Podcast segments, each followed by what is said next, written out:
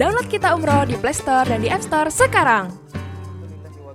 والصلاة والسلام على رسول الله المصطفى وعلى آله وصحبه ومن والاه رب اشرح لي صدري ويسر لي أمري واحلل عقدة من لساني يفقه قولي فقال الله تعالى في القرآن الكريم وهو أصدق القائلين أعوذ بالله من الشيطان الرجيم بسم الله الرحمن الرحيم. إنا أعطيناك الكوثر فصل لربك وانحر. إن شانئك هو الأبتر. صدق الله العظيم. Alhamdulillah segala puji bagi Allah teman-teman. Kita di siang yang cerah ini Allah mengizinkan kita dengan taufiknya Telah menuntun hati kita semua dan menggerakkan langkah kaki kita Hingga kita bisa mengumpul bareng-bareng di rumahnya yang mulia Duduk hadir di majelis ilmu. Mudah-mudahan dengan begitu Allah mudahkan jalan kita semua untuk menuju surganya. Amin.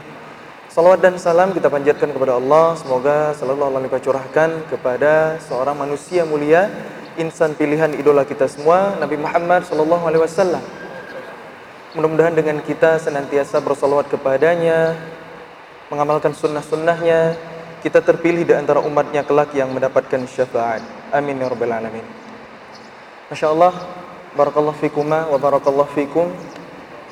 Barusan kita udah dengar ya sharing inspirasi dari dua orang inspirator kita. Yang pertama ada Akh Nahruluddin Ali, kemudian yang kedua ada Akhuna uh, Rizal Wahid, Masya Allah kayaknya udah lengkap tuh ya yang udah disampaikan gitu. Jadi saya tinggal nambahin aja lah dikit-dikit gitu. Teman-teman semuanya yang disayang Allah, inspirasi dan motivasi boleh dari siapa aja, tapi belajar agama harus kepada ahlinya, harus kepada ulama.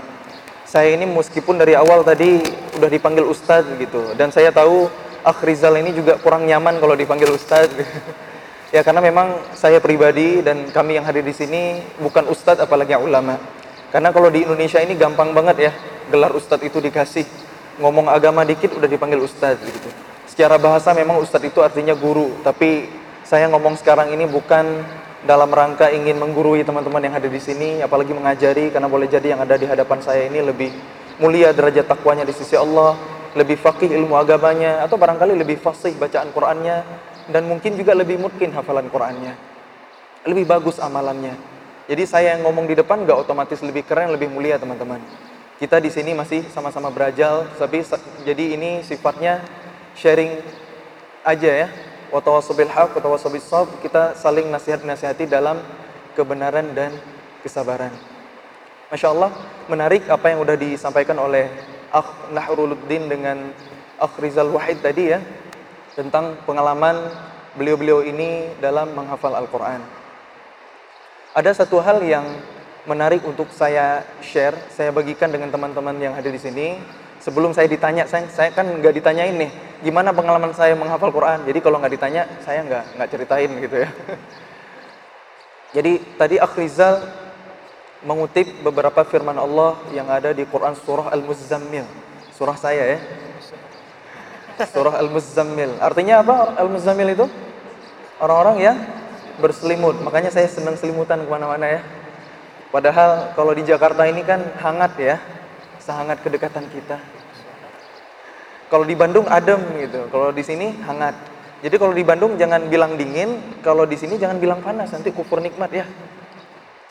Ya, Al-Muzammil itu artinya orang-orang yang berselimut karena Nabi Muhammad SAW ketika surah ini diturunkan sedang istirahat di malam hari selimutan dengan jubahnya. Tapi saya pernah mendengar penjelasan dari Ustadz Adi Hidayat, LCMA, Zamala itu artinya teman. Jadi sebenarnya Muzammil itu orang yang menjadikan selimut sebagai temannya hingga merasakan ketenangan dan kenyamanan.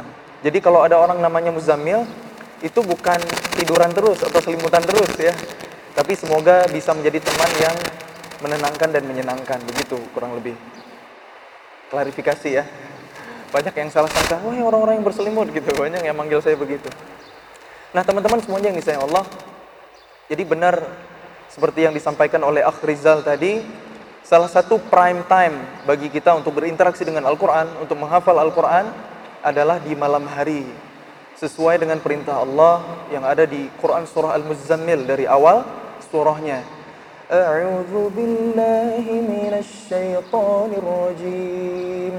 Bismillahirrahmanirrahim. Ya ayyuhal muzammil Wahai orang-orang yang berselimut Umil layla illa qalila Bangunlah di malam hari meskipun sebentar Nisfahu awin minhu qalila Setengahnya atau lebih sebentar dari itu Auzid alaihi warattilil qur'ana tartila atau lebih lama dari itu dan bacalah Al-Quran secara tartil. Nanti kita akan bahas apa itu tartil, apa alasan Allah memerintahkan Nabi untuk bangun malam, untuk menghidur malam, menghidupkan malam. Allah sampaikan di ayat berikutnya, Inna sanulqi alaika qawlan thaqila. Sesungguhnya kami hendak menurunkan perkataan yang berat kepadamu wahai Muhammad. Allahumma salli wa alaih. Sesungguhnya kami akan menurunkan perkataan yang berat kepadamu, qaulan tsaqila. Jadi benar ya, Quran itu adalah qaulan tsaqila, perkataan yang berat. Maksudnya berat apanya? Berat mengemban amanahnya, berat untuk mendakwahkannya seperti yang disampaikan oleh Akhrizal tadi kalau kita mau jadi dai, orang yang menyuruh kepada jalan Allah, ud'u ila sabili rabbik bil hikmah wal mau'izatil hasanah, maka kita perlu energi, kita perlu kekuatan, kita perlu bimbingan dari Allah dan itu bisa kita dapatkan salah satunya dengan bangun malam. Ayat ini tidak kontraproduktif dengan firman Allah di surah yang lain misalnya di Quran surah Al-Qamar walaqad yassarnal Qur'ana lidzikr. Telah kami mudahkan Al-Quran untuk dihafal, diingat, dipelajari, adakah kalian menjadi bagian orang yang mempelajarinya? Quran, Quran itu memang mudah untuk dipelajari, diingat, ya. Ngafal Quran mudah atau gampang? Sama aja ya. Gampang, mudah. Kalau nggak percaya coba, nggak usah niatin hafal, baca aja berulang-ulang. Satu ayat coba baca 20 kali aja, insya Allah udah terhafal tuh. Sampai-sampai zaman sekarang kan udah banyak banget metode-metode menghafal Quran kan. Ada yang menghafal Al-Quran semudah tersenyum tapi udah senyum, belum hafal-hafal tuh. Jadi memang menghafal Quran itu mudah. Anak kecil hafal Quran. Orang yang lanjut usia mulai ngafalin hafal. Mohon maaf, ada yang tunanetra, ada yang mohon maaf ya, autis, tapi banyak yang hafal Quran kita temukan. Karena memang itulah mukjizat, itulah janji dari Allah bahwa Quran itu mudah untuk dipelajari, mudah untuk dihafalkan. Sadaqallah. Yusrun itu mudah yang mutlak. Beda dengan sahlun. Sahlun itu dalam bahasa Arab itu mudah yang masih terbatas. Tapi kalau yusrun walaqad yassarnal Quran itu tanpa kecuali ya, semuanya mudah. Quran itu mudah. Belajar bahasa Arab relatif. Kalau anak kecil yang lahir besar di Arab gampang. Tapi buat kita yang bahasa ibu kita bukan bahasa Arab relatif ya, ada yang susah, ada yang mudah. Tapi kalau Quran semuanya mudah. Itulah janji Allah. Nah, di Quran surah Al-Muzammil Allah sampaikan, "Inna sanulqi 'alaika qawlan tsaqila." Sesungguhnya kami hendak menurunkan perkataan yang berat kepadamu Muhammad. Dan memang ternyata kalau kita baca sirah, bagaimana perjuangan Nabi dengan Al-Quran itu berat. Dari mulai wahyu pertama diturunkan di Gua Hira, gimana kondisi Nabi? Sampai gemetaran kan, sampai ketakutan, sampai keringetan, pulang ke rumah minta diselimutin zammiluni dathiruni sama istri tercintanya Sayyidah Khadijah radhiyallahu anha. Dalam kesempatan yang lain ketika Al-Qur'an turun, Nabi sedang berada di atas unta, kendaraan. Untanya sampai terduduk karena beratnya menerima wahyu. Dan di kesempatan yang lain ketika Al-Qur'an Allah turunkan, Nabi Muhammad nggak jarang pingsan. Siuman pingsan lagi saking beratnya menerima wahyu. Jadi kalau mau menerima Al-Qur'an, mengemban amanah Al-Qur'an, mendakwahkan Al-Qur'an, itu nggak bisa fisik kita biasa-biasa aja. Nggak bisa jiwa kita biasa-biasa aja. Harus dikuatkan, harus dikokohkan. Dan salah satunya adalah dengan bangun malam.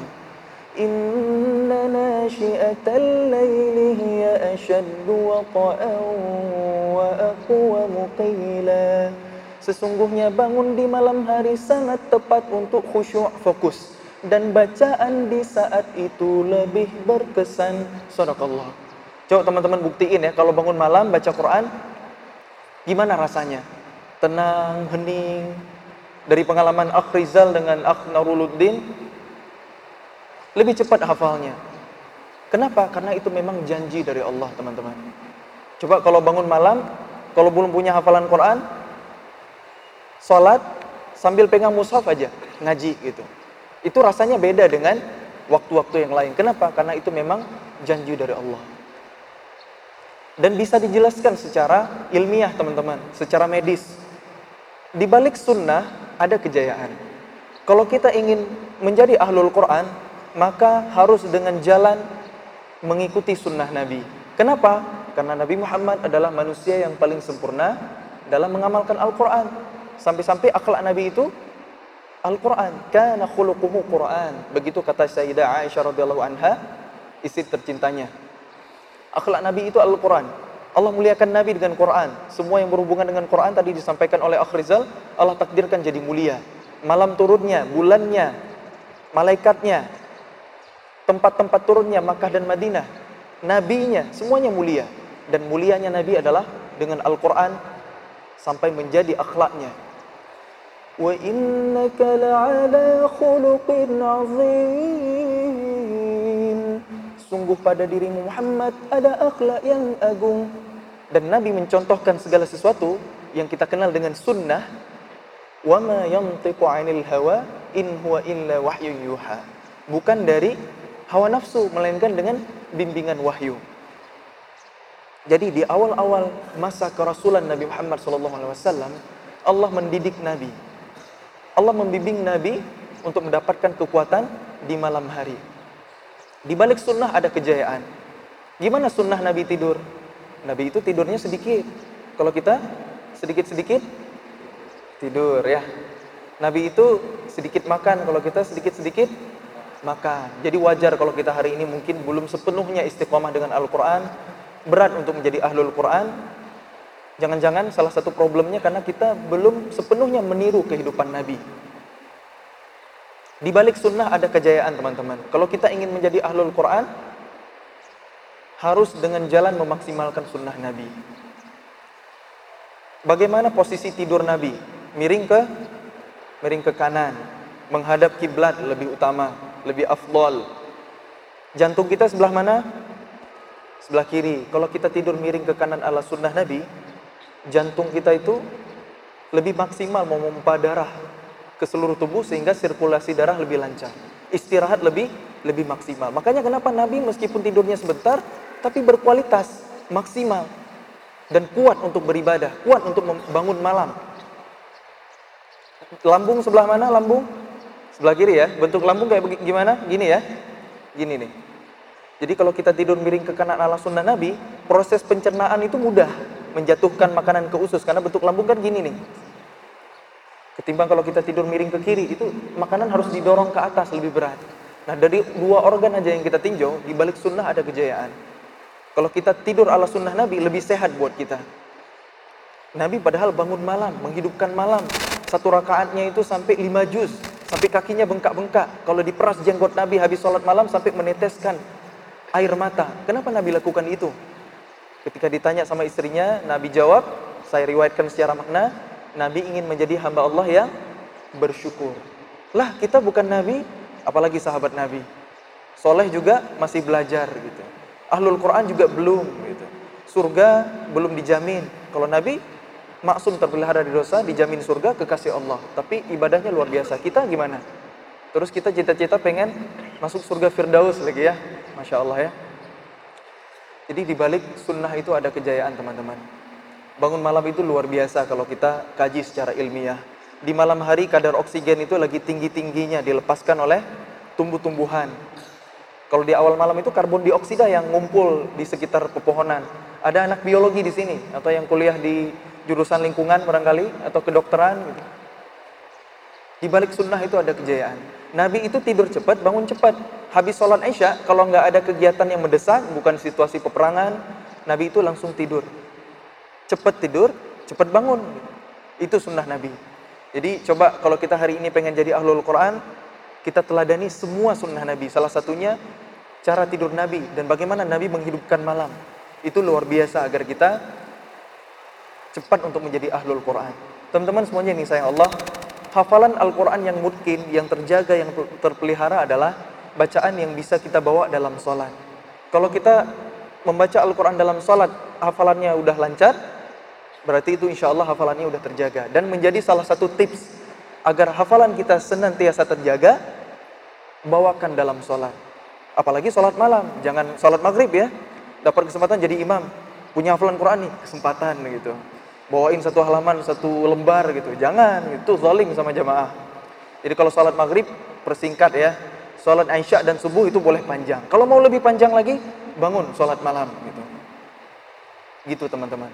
Di balik sunnah ada kejayaan. Tugas kita sami'na wa ta'na. Kita yakin. Makin kita tiru sunnah Nabi, makin kita cepat jadi ahlul Quran. Nabi rajin saum, Senin Kamis, kita ikutin. Nabi rajin bersiwak, kita ikutin. Karena di balik sunnah semuanya ada kejayaan. Sehat buat kita. Kalau kita rajin bersihin gigi, itu bukan hanya mulut aja yang sehat, tapi menurut penelitian yang pernah saya dapat, jantung pun jadi sehat. Kenapa? Karena kalau sisa makanan nempel di gigi, kemudian melalui gusi, proses pembusukan oleh bakteri, itu bisa mengalir, mengalir bersama aliran darah, nyampe ke jantung dan menyebabkan, menyebabkan penyumbatan. Dari gigi aja ada kait, ada hubungannya sama jantung. Dan Nabi mencontohkan rajin bersiwak. Sekiranya tidak memberatkan umatku akan aku wajibkan bersiwak setiap sebelum sholat lima waktu. Begitu dalam sebuah hadis saya riwayatkan secara makna. Jadi apa pun sunnah Nabi ikutin teman-teman. Semampu kita, semaksimal mungkin, maka mudah-mudahan kita makin cepat untuk menjadi ahlul Quran. Kita bisa lebih istiqomah dengan Quran, kita punya energi lebih. Kita punya kekuatan. Kenapa? Karena Nabi sudah membuktikannya. Nabilah manusia yang paling sempurna dalam mengamalkan Al-Quran Sehingga jika kita hari ini ingin menjadi ahlul Quran Maka jalan yang bisa kita tempuh adalah Dengan memaksimalkan sunnah Nabi Wallahu a'lam bishawab.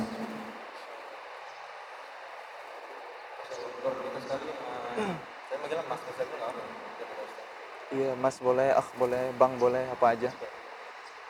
Saya penasaran dengan Mas Zamil ini uh, ketika coba untuk menghafal Quran lalu sampai menyelesaikan Al-Quran dari sebelum menikah sampai setelah menikah itu apa aktivitas yang kira-kira memang zaman sekarang milenial ini agak susah gitu buat meniru sunnah Nabi itu yang misalnya mereka lebih banyak begadang, makannya banyak, udah-udah segala macam itu. Apa yang uh, saya pengen tahu kegiatan Mas Jamil sebelum dan setelah ini seperti apa?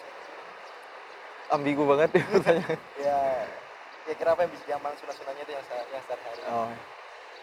Teman-teman semuanya yang saya Allah, ketika saya sampaikan ini bukan berarti saya yang paling maksimal ya dalam mengamalkan. Tapi kita juga nggak khawatir terjebak dalam firman Allah di Quran surah As-Saff, "Ya ayyuhalladzina amanu lima taquluna ma la taf'alun." Wahai orang-orang yang beriman, mengapa kalian mengatakan apa yang tidak kalian perbuat? Teman-teman, ilmu yang saya dapatkan dari para ulama itu ketika saya sampaikan ke teman-teman, itu memang bukan saya yang paling maksimal ya, bukan saya yang paling keren dalam mengamalkannya gitu. Boleh jadi teman-teman yang hadir di depan ada yang jauh lebih keren, jauh lebih bagus. Akh Rizal dan Akh Nahruluddin juga Masya Allah mungkin lebih luar biasa, lebih istiqamah gitu. Jadi untuk berdakwah itu nggak harus nunggu sempurna, karena kalau kita nunggu sempurna hanya Nabi dan Rasul yang pantas. Maksud dari Quran surah As-Saff ayat 2 itu bukan larangan bagi kita untuk berdakwah kalau kita belum sempurna. Mengapa kalian mengatakan apa yang tidak kalian perbuat? Ayat ini berkaitan dengan komitmen sama ucapan.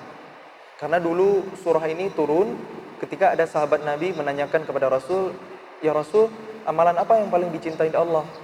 Turun Quran surah As-Saff ayat keempatnya dulu sebelum ayat keduanya. Inna yuhibbul ladhina yuqatiluna fi sabilihi saffan ka'annahum bunyanun marsus. Sesungguhnya Allah mencintai orang-orang yang berjihad, berperang di jalannya dalam satu barisan yang rapi, laksana sebuah e, bangunan yang kokoh. Jadi ada perintah untuk berjihad. Nah, sahabat Nabi yang dulu nanyain amalan yang dicintai Allah, ketika turun perintahnya berjihad, mereka yang kabur, mereka yang duluan mundur. Baru turun surah As-Saff ayat keduanya. Ya ayyuhalladzina amanu lima taquluna ma la taf'alun. Hai orang-orang yang beriman, mengapa kalian mengatakan apa yang tidak kalian perbuat? Jadi ayat ini berkaitan dengan komitmen sama ucapan. Kalau di zaman sekarang seperti misalnya ada calon pemimpin, calon gubernur, calon presiden, kampanye. Kalau saya terpilih begini, begini, begini. Begitu terpilih, nggak dilakuin. Nah, kena nih, wahai orang yang beriman, mengapa kalian mengatakan apa yang tidak kalian perbuat? Jadi teman-teman, sekali lagi, sebenarnya saya malu ya dengan diri sendiri. Saya tahu ilmunya, tapi sebagai orang yang Allah titipkan ilmu, meskipun sangat sedikit sekali, masih sangat fakir ilmu, saya masih berusaha mengamalkan, saya berusaha sampaikan. Kenapa? Karena ketika saya menyampaikannya, itu menjadi reminder buat saya. Saya dalam hati, ini saya udah ngamalin belum? Ini saya udah maksimal belum melakuinnya gitu. Itu jadi reminder buat diri saya pribadi gitu. Yang kadang-kadang keluar itu di mimbar gitu. Di mimbar ini sekaligus jadi murajaah ilmu ya. Jadi Quran itu harus dimurajaah, ilmu juga harus dimurajaah. Terjaganya Al-Quran adalah dengan dengan pengulangan. Inna nahnu nazzalna dzikra wa inna lahu lahafizun. Sesungguhnya kamilah yang menurunkan Al-Quran dan kami pula yang menjaganya. Nama lain Al-Quran itu kan az-zikra ya. Sesuatu yang diulang, sesuatu yang diingat, sesuatu yang dihafalkan. Kapan Al-Quran itu terjaga? Ketika diulang, ketika dimurajaah. Jadi kalau ada hafiz Quran nggak murajaah, berarti bukan hafiz itu ya. Karena terjaganya Al-Quran itu dengan dengan pengulangan. Hafadha yuhafizu kan artinya menjaga ya Kapan Qur'annya dijaga? Ketika diulang, ketika dimurajaah. Jadi hafiz Quran sejati adalah bukan yang sudah mengkhatamkan setoran hafalannya, tasmi' hafalannya 30 juz. Tapi mereka yang istiqomah konsisten dengan Al-Quran seumur hidupnya. Ketika diulang, itulah proses penjagaan terhadap Quran. Karena menjadi hafiz Al-Quran atau proses tahfizul Quran itu bukan hasil, tapi prosesnya seumur hidup. Nabi pernah menyampaikan dalam sebuah hadis, hilangnya hafalan dari ingatan itu jauh lebih mudah daripada lepasnya unta dari ikatan. Artinya kalau kita punya hafalan Quran, nggak kita jaga, nggak kita ulang, itu cepet banget hilangnya. Beneran teman-teman. Semua yang menghafal Quran pasti pernah ngalamin gitu. Nah teman-teman semuanya ini saya Allah, makanya yang jauh lebih penting ketika kita ingin menjadi hafizul Quran hari ini adalah bukan seberapa banyak hafalan yang kita miliki, tapi seberapa intens kita berinteraksi dengan Al-Quran. Bagaimana keistiqomahan kita dalam menjaga ayat-ayat yang sudah kita hafal. Jangan hanya semangat untuk menghafal. Jangan hanya semangat untuk mengajar, mengejar akhir juz, akhir surah, atau bahkan akhir dari Al-Quran, yaitu surah An-Nas. Tapi yang jauh lebih penting adalah bagaimana kita membersami Al-Quran. Itu yang Allah balas. Bagaimana ketika kita murajaah, kita berusaha mentadaburi maknanya. Dengan itu menjadi zikir, menjadi pengingat buat kita setiap kali kita ulang, kita murajaah, Allah ngingatin kita dengan ayat itu. Ini udah kita amalin belum? Udah kita fahami belum? Tilawatil Quran. Itu ya teman-teman. Nah teman-teman semuanya ini saya Allah. Jadi sedikit saya jawab e, pertanyaan dari MC ya. Saya kayak ngulur-ngulur waktu gitu ya, biar nggak nggak usah cerita tentang diri gitu. Jadi teman-teman semuanya yang disayang Allah, Dulu pengalaman saya menghafal Quran pertama kali secara intens, secara serius itu waktu SMP. Waktu SD ngafalin Quran juga, tapi nggak nggak serius ya, nggak maksimal. Paling hanya juz juz juz juz 30, surah-surah yang ada di juz 30 dan juz 1. Tapi ketika SMP, saya alhamdulillah dapat kesempatan untuk tinggal di rumah Tafiz, menghafal Al-Quran, dan itu juga awalnya bukan keinginan saya pribadi ya, bukan keinginan sendiri masuk ke situ, guru ngaji saya memandang, ngelihat, wah Muzamil ini punya potensi nih. Saya dulu masa kecil, Alhamdulillah uh, ikut MTQ ya, belajar mujawad, tilawatil Quran, belajar irama-irama Quran gitu. Jadi dilihat sama guru ngaji saya, bacaan Quran Muzamil ini udah baik, udah bagus. Sayang kalau nggak dilanjutin ke hafalan. Gitu nih kronologisnya ya. Sehingga saya ditawarin untuk tinggal di sebuah rumah tahfiz yang itu dirintis oleh pemerintah daerah di Aceh, di kota kelahiran saya. Semuanya free, gratis. Makan sehari tiga kali, tempat tinggal, dikasih jajan lagi. Pokoknya tugasnya ngafalin Quran. Enak banget ya? Masya Allah. Dulu saya menghafal sambil sekolah di sekolah formal, di sekolah umum. Sekolah di sekolah umum dari pagi sampai sore, pulang ke rumah Tafiz buat ngafalin Quran. Dari habis sholat maghrib sampai kurang lebih satu jam setelah sholat isya. Satu jam sebelum azan subuh itu udah dibangunin, setelah subuh berjamaah, tasmi' setoran hafalan. Di sore hari pulang sekolah itu tasmi' lagi, setoran hafalan murajaah atau at-takrir gitu, hafalan yang mengulang gitu. Kalau di pagi hari hafalan baru, minimal sehari satu halaman, targetnya itu satu juz per bulan dan khatam 30 juz dalam waktu tiga tahun. Begitu programnya di sana. Gitu. Jadi ketika sekolah dulu saya ingat banget ya, yang berkesan buat saya itu dulu kalau saya ngelihat teman-teman yang lain di jam istirahat bisa main, saya harus mojok untuk murojaah supaya sukses setoran hafalan di sore hari gitu.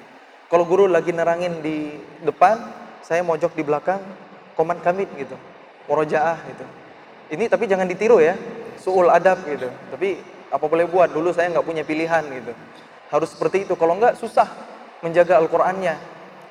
Coba bayangin fisik anak SMP sekolah dari pagi sampai sore PR-nya banyak tugasnya banyak itu malam hari harus menghafal lagi. Selesai menghafal Al-Quran yang itu udah larut.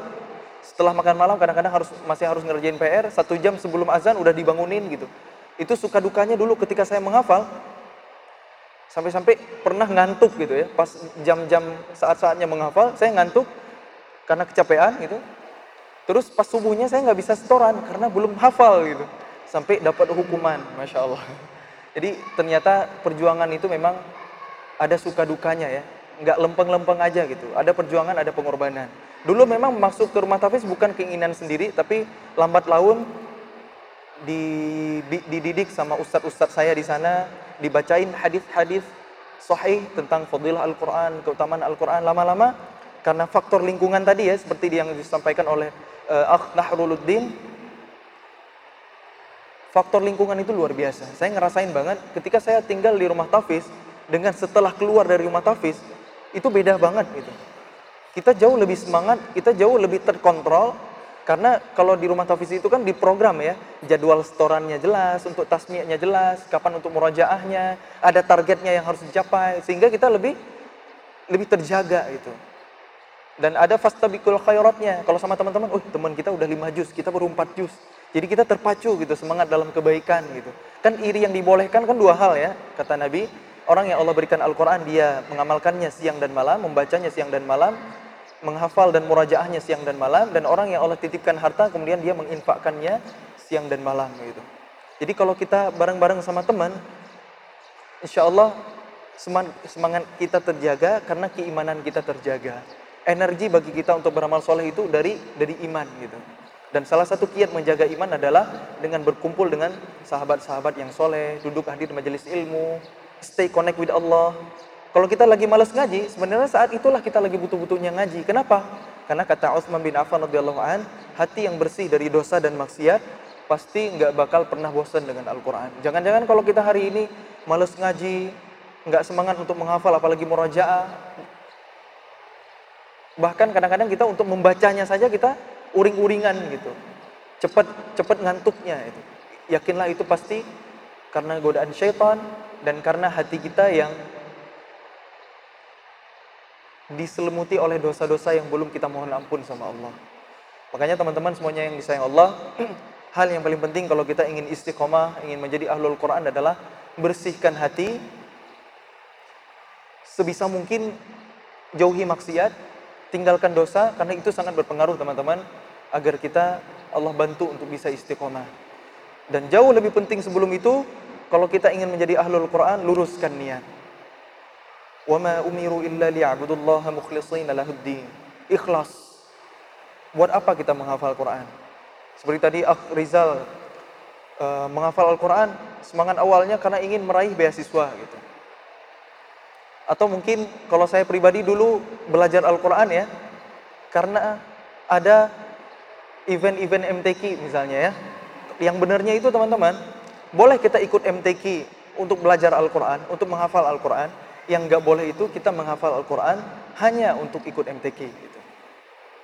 Jadi musabakah itu ada ikhtilaf di kalangan ulama tentang boleh enggaknya. Tapi saya meyakini yang boleh karena insya Allah menjadi syiar yang positif. Boleh kita ikut MTQ, boleh kita ikut MHQ untuk menghafal Quran yang nggak boleh menghafal Quran untuk MHQ. Apa bedanya? Bedanya di niat. Kalau menghafal Quran untuk MHQ, selesai MHQ-nya, udah dapat juaranya, udah bawa pulang piala dan hadiahnya, selesai juga murojaahnya.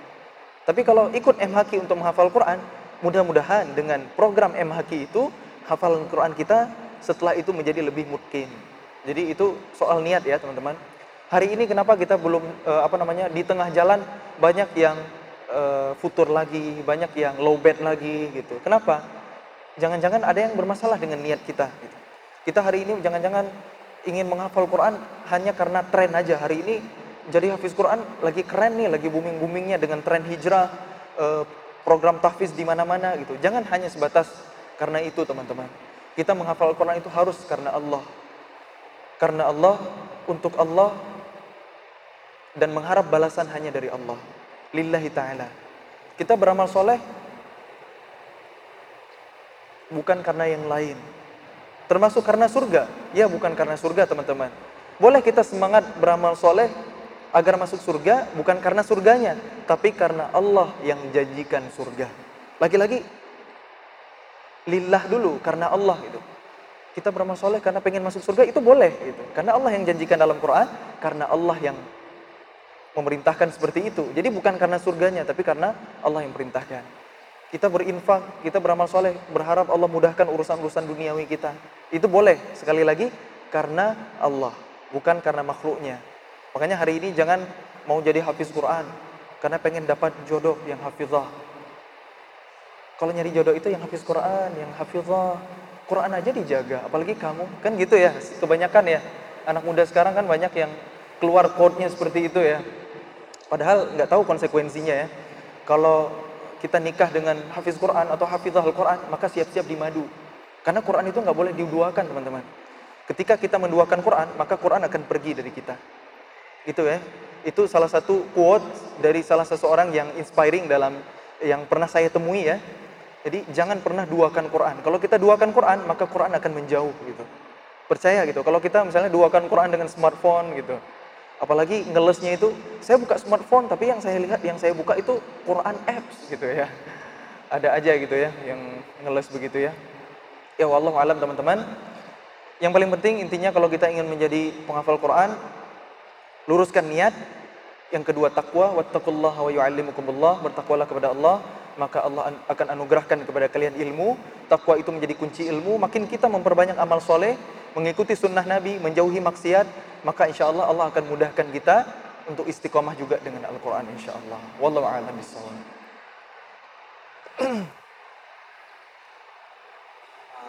bicara dengan insya Allah kan antum uh, ketika cenderung apa itu sampai sekarang artinya seorang yang mengajar akhirat itu dunia mengejar. Lalu uh, dengan sekarang keadaan antum yang yang masya Allah yang kualitas popularitas itu menaik gitu ya artinya adakah uh, godaan-godaan atau yang niat-niat yang bisa berubah? Atau bagaimana cara menjaga niat antum supaya tetap lurus Bismillah, cara menjaga niat, memang niat ini perkara yang sangat sulit sekali ya. Karena dalam riwayat itu ria, yaitu penyakit hati memamerkan amal soleh ya, ria itu ya, beramal bukan karena Allah ya, tapi karena makhluk, karena dunia dan lain sebagainya ya, lawannya itu ikhlas.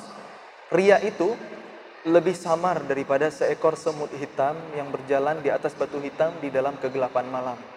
Ngeri ya? Jadi kami yang ada di depan ini jauh lebih lebih riskan gitu, jauh lebih berat godaannya, ujiannya daripada mungkin teman-teman yang mendengarkan, yang menyimak di depan gitu. Dan memang jangan sampai kita juga tidak jadi beramal soleh karena takut ria gitu. Dan itu juga ria gitu. Kita meninggalkan amal soleh karena takut ria, artinya kan ada makhluk yang mengintervensi kita beramal itu. Itu juga ria itu sendiri gitu. Makanya hati-hati teman-teman. Ya udah, lempeng aja, biasa aja gitu. Hari ini misalnya uh, saya pribadi dan kami yang ada di depan ini ada ujian berupa popularitas misalnya. Ya popularitas itu ibarat kekayaan juga gitu.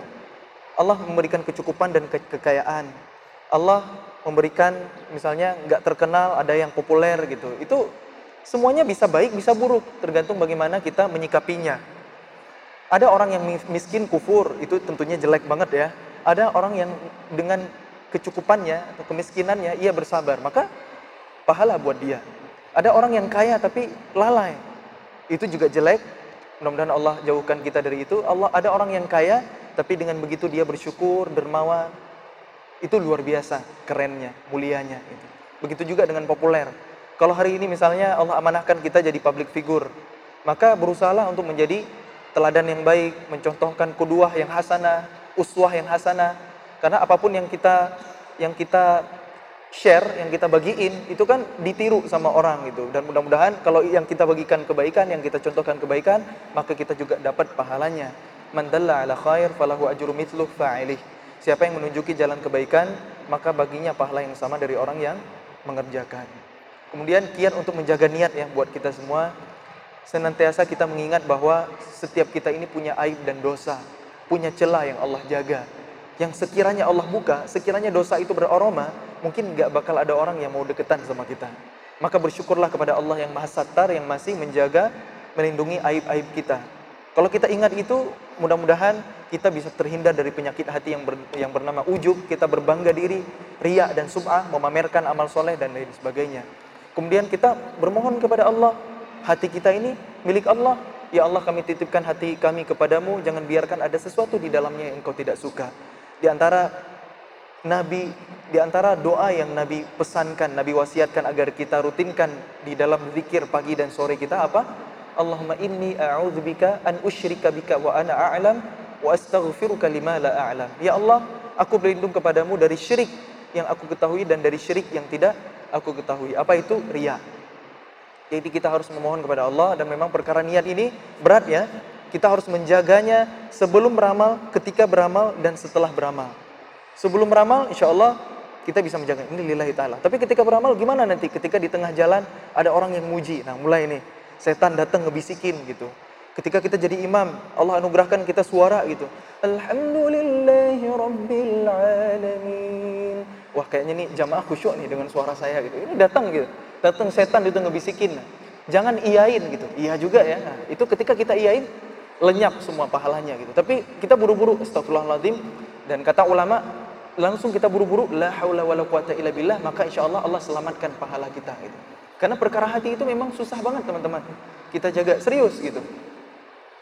Apalagi untuk orang-orang seperti kami yang ada di depan ini gitu. Jangan kira mudah ya. Itu susah asli susah. Makanya minta doanya ya dari teman-teman semoga kami bisa istiqomah bisa semoga Allah jaga niat lurus lillahi ta'alanya gitu. Mudah-mudahan terjaga sampai amal itu selesai gitu. Karena jangan juga kita udah beramal soleh tapi kita mengungkit lagi kita menceritakan gitu. Itu itu kan gugur nanti pahalanya. Mut, syarat mutlak diterimanya amal. Allah berikan pahala yang utuh dari amal soleh kita adalah niat yang ikhlas lillahi ta'ala. Tanpa itu kita hanya dapat capeknya aja. Maka mudah-mudahan ini menjadi reminder buat saya pribadi dan buat kita semua teman-teman. Wallahu a'lam bishawab. Pertanyaan saya buat ketiga saudara kita, apa cita menghafal Quran dan menjadi menghafal Quran? Ini bisa juga dari ahli.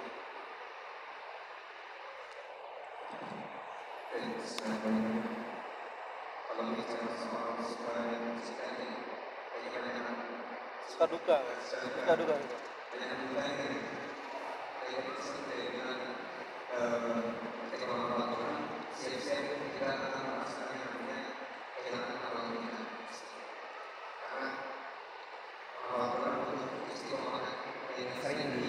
alami pribadi memang dukanya adalah ketika hafal satu halaman besok kita pindah ke halaman yang lainnya. Ternyata pas kita hafal lagi kok ini berantakan ya? Akhirnya kita coba hafalin lagi. Sudah rapi kita kembali lagi yang kemarin sudah kita hafal berantakan lagi. Paling itu dari dukanya. Dan memang ketika kita sudah sering atau terlalu lama untuk meninggalkan hafalan ini dalam arti kita terlalu enak murojaah di lembar yang lain. Ternyata pas kembali lagi yang lembar sebelumnya wah berantakan lagi. Itu yang menjadi duka saya ketika menghafal Al-Quran. Kalau sukanya tentunya memang kembali kepada fadilah menghafal Al-Quran ya. Ketika sudah mencoba atau menikmati rasanya menghafal Al-Quran insya Allah itu jadi suka buat saya pribadi. Karena memang entah memang ini cita-cita yang saya juga tidak pernah memunculkan ini bagian dari cita-cita saya di dalam setiap tulisan-tulisan saya. Tapi ketika saat ini Allah anugerahkan untuk antum mulai hari ini tetap untuk terus menghafal Al-Quran. Itu menjadi suatu suka yang sampai dengan saat ini mudah-mudahan itu menjadi anugerah terbesar yang Allah berikan untuk saya. Wallahu a'lam bishawab.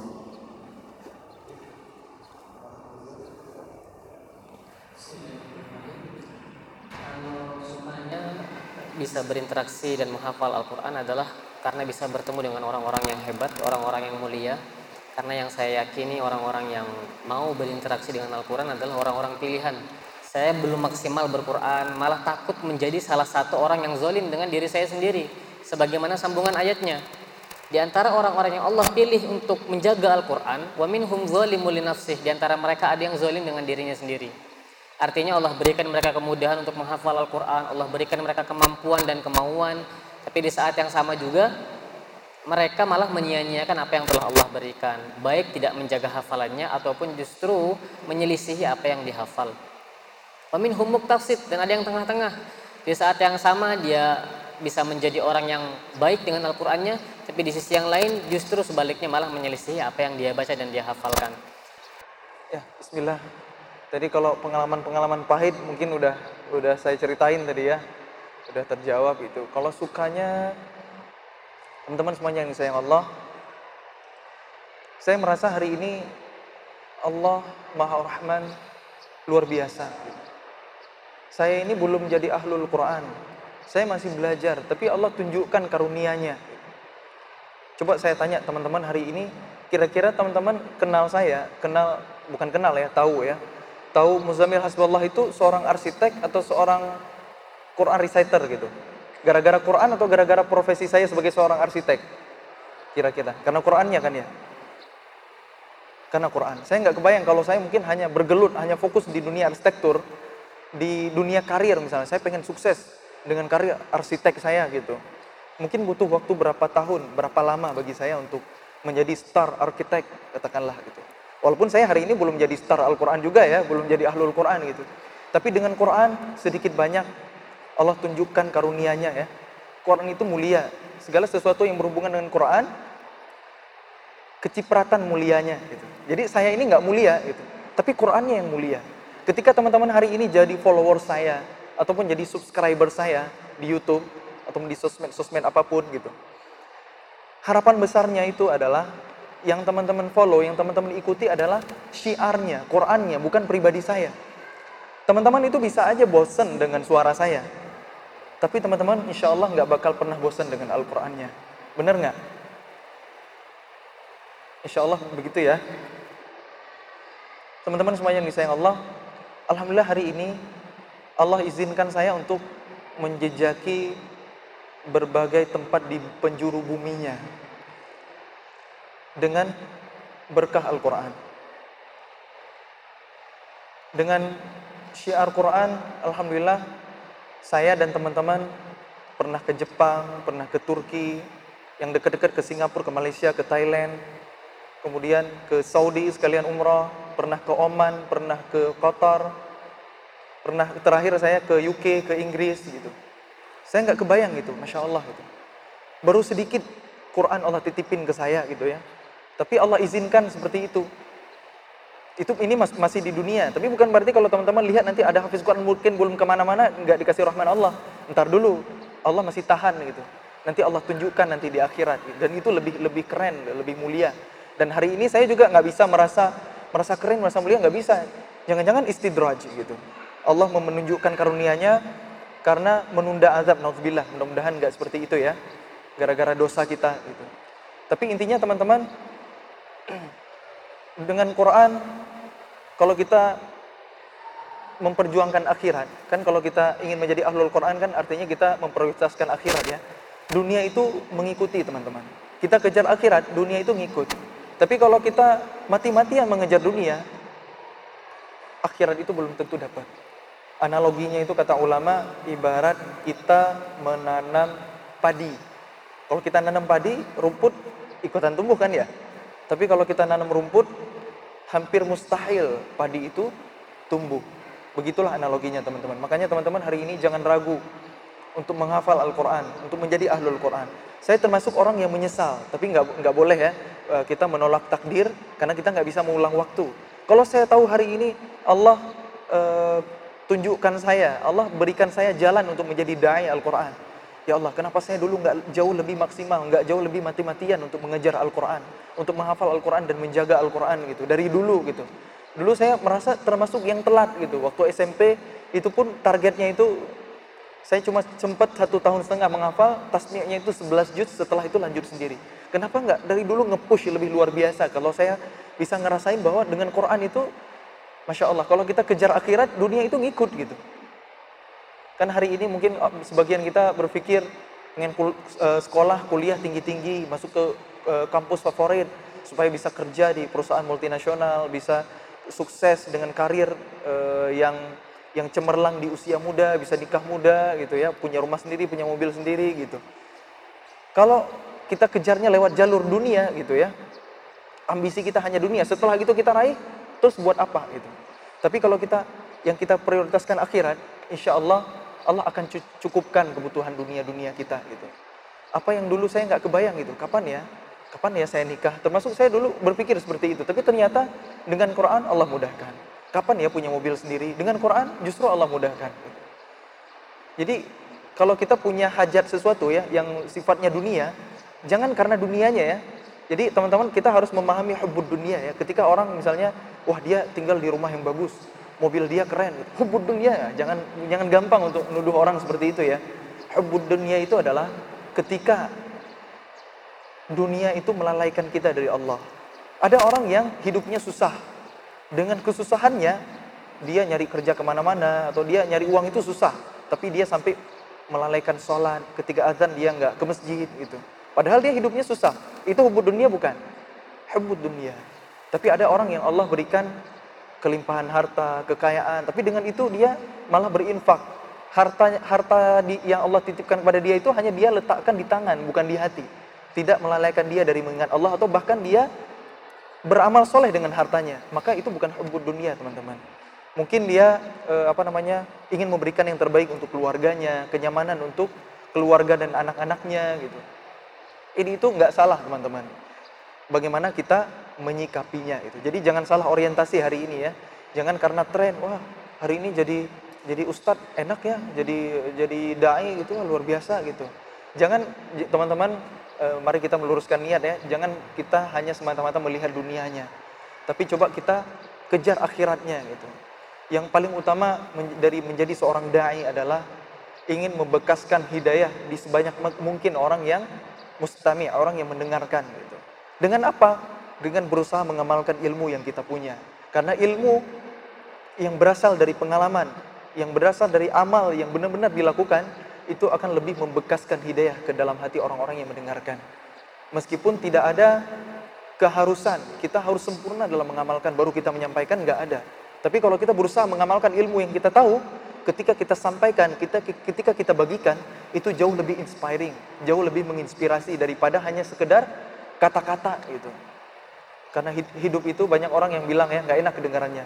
Hidup itu nggak seindah bacotnya motivator gitu saya nggak nggak setuju juga sih dengan dengan dengan statement seperti ini karena hidup kita ini butuh inspirasi, butuh motivasi, tapi sesuai porsinya. Motivasi secukupnya yang jauh lebih penting adalah actionnya, aksinya. Bagaimana kita mewujudkan visi hidup kita, impian-impian kita. Dan visi terbaik adalah bagaimana kita bisa masuk surga, bisa meninggal dalam keadaan husnul khotimah, Allah ringankan hisab kita dan kita bisa berkumpul dengan orang-orang yang kita cintai di surganya Allah. Itu visi hidup kita. Jadi apa pun posisi kita hari ini, jalan hidup yang kita pilih, yang kita tempuh, pastikan semuanya kita niatkan visabilillah teman-teman. Di jalan Allah, kita lakukan dengan amanah, dengan petunjuk Al-Quran dan sunnah nabinya. Mudah-mudahan kita menjadi hamba-hamba Allah semuanya yang diridhai. Amin ya rabbal alamin. Wallahu a'lam bishawab.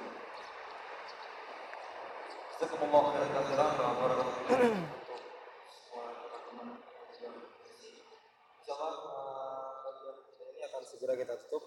Sebelum kita tutup ada sedikit challenge atau sedikit penampilan mungkin kita akan mencoba menyambung ayat dari narasumber. Cukup lima ayat masing-masing membacakan surat Ar-Rahman. Udah?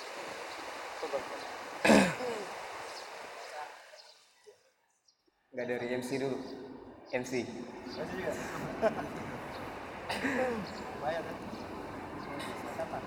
Hah? Katanya mau baca Ar-Rahman.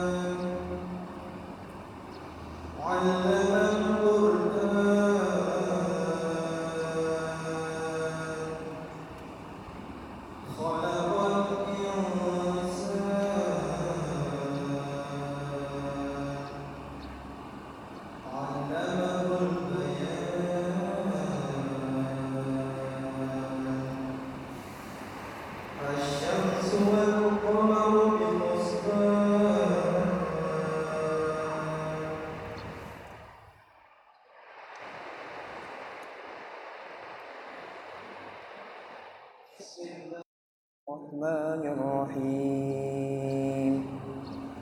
والنجم والشجر يسجدان. والسماء رفعها ووضع الميزان. ألا تطغوا في وأقيموا الوزن بالقسط ولا تخسروا الميزان.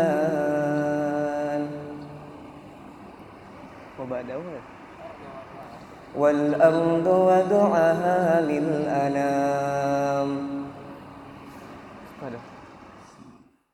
فيها فاكهة والنخل ذات الأكمام.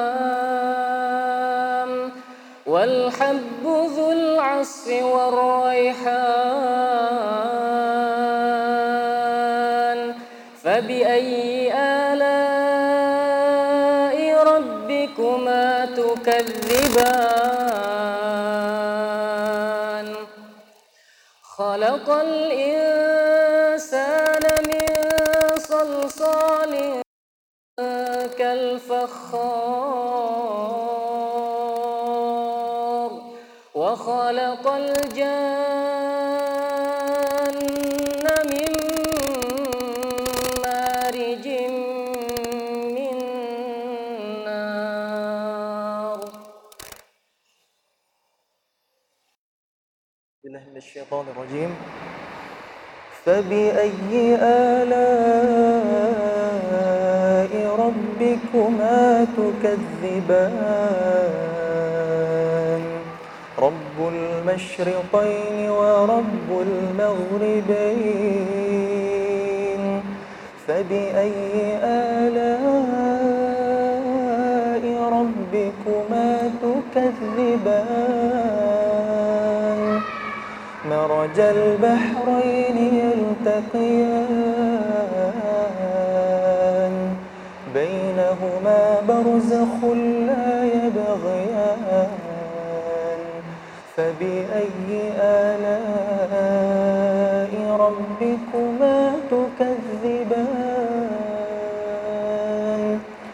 يخرج منهما اللؤلؤ والمرجان. فبأي آلاء ربكما تكذبان؟ وله الجوار المنشآت في البحر كالأعلام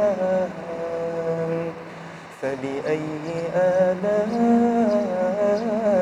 ربكما تكذبان.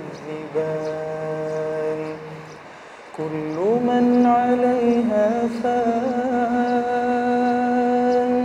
ويبقى وجه ربك ذو الجلال والإكرام. فبأي آلاء ربكما تكذبان؟ يسأله من في السماوات والأرض كل يوم هو في شأن فبأي آلاء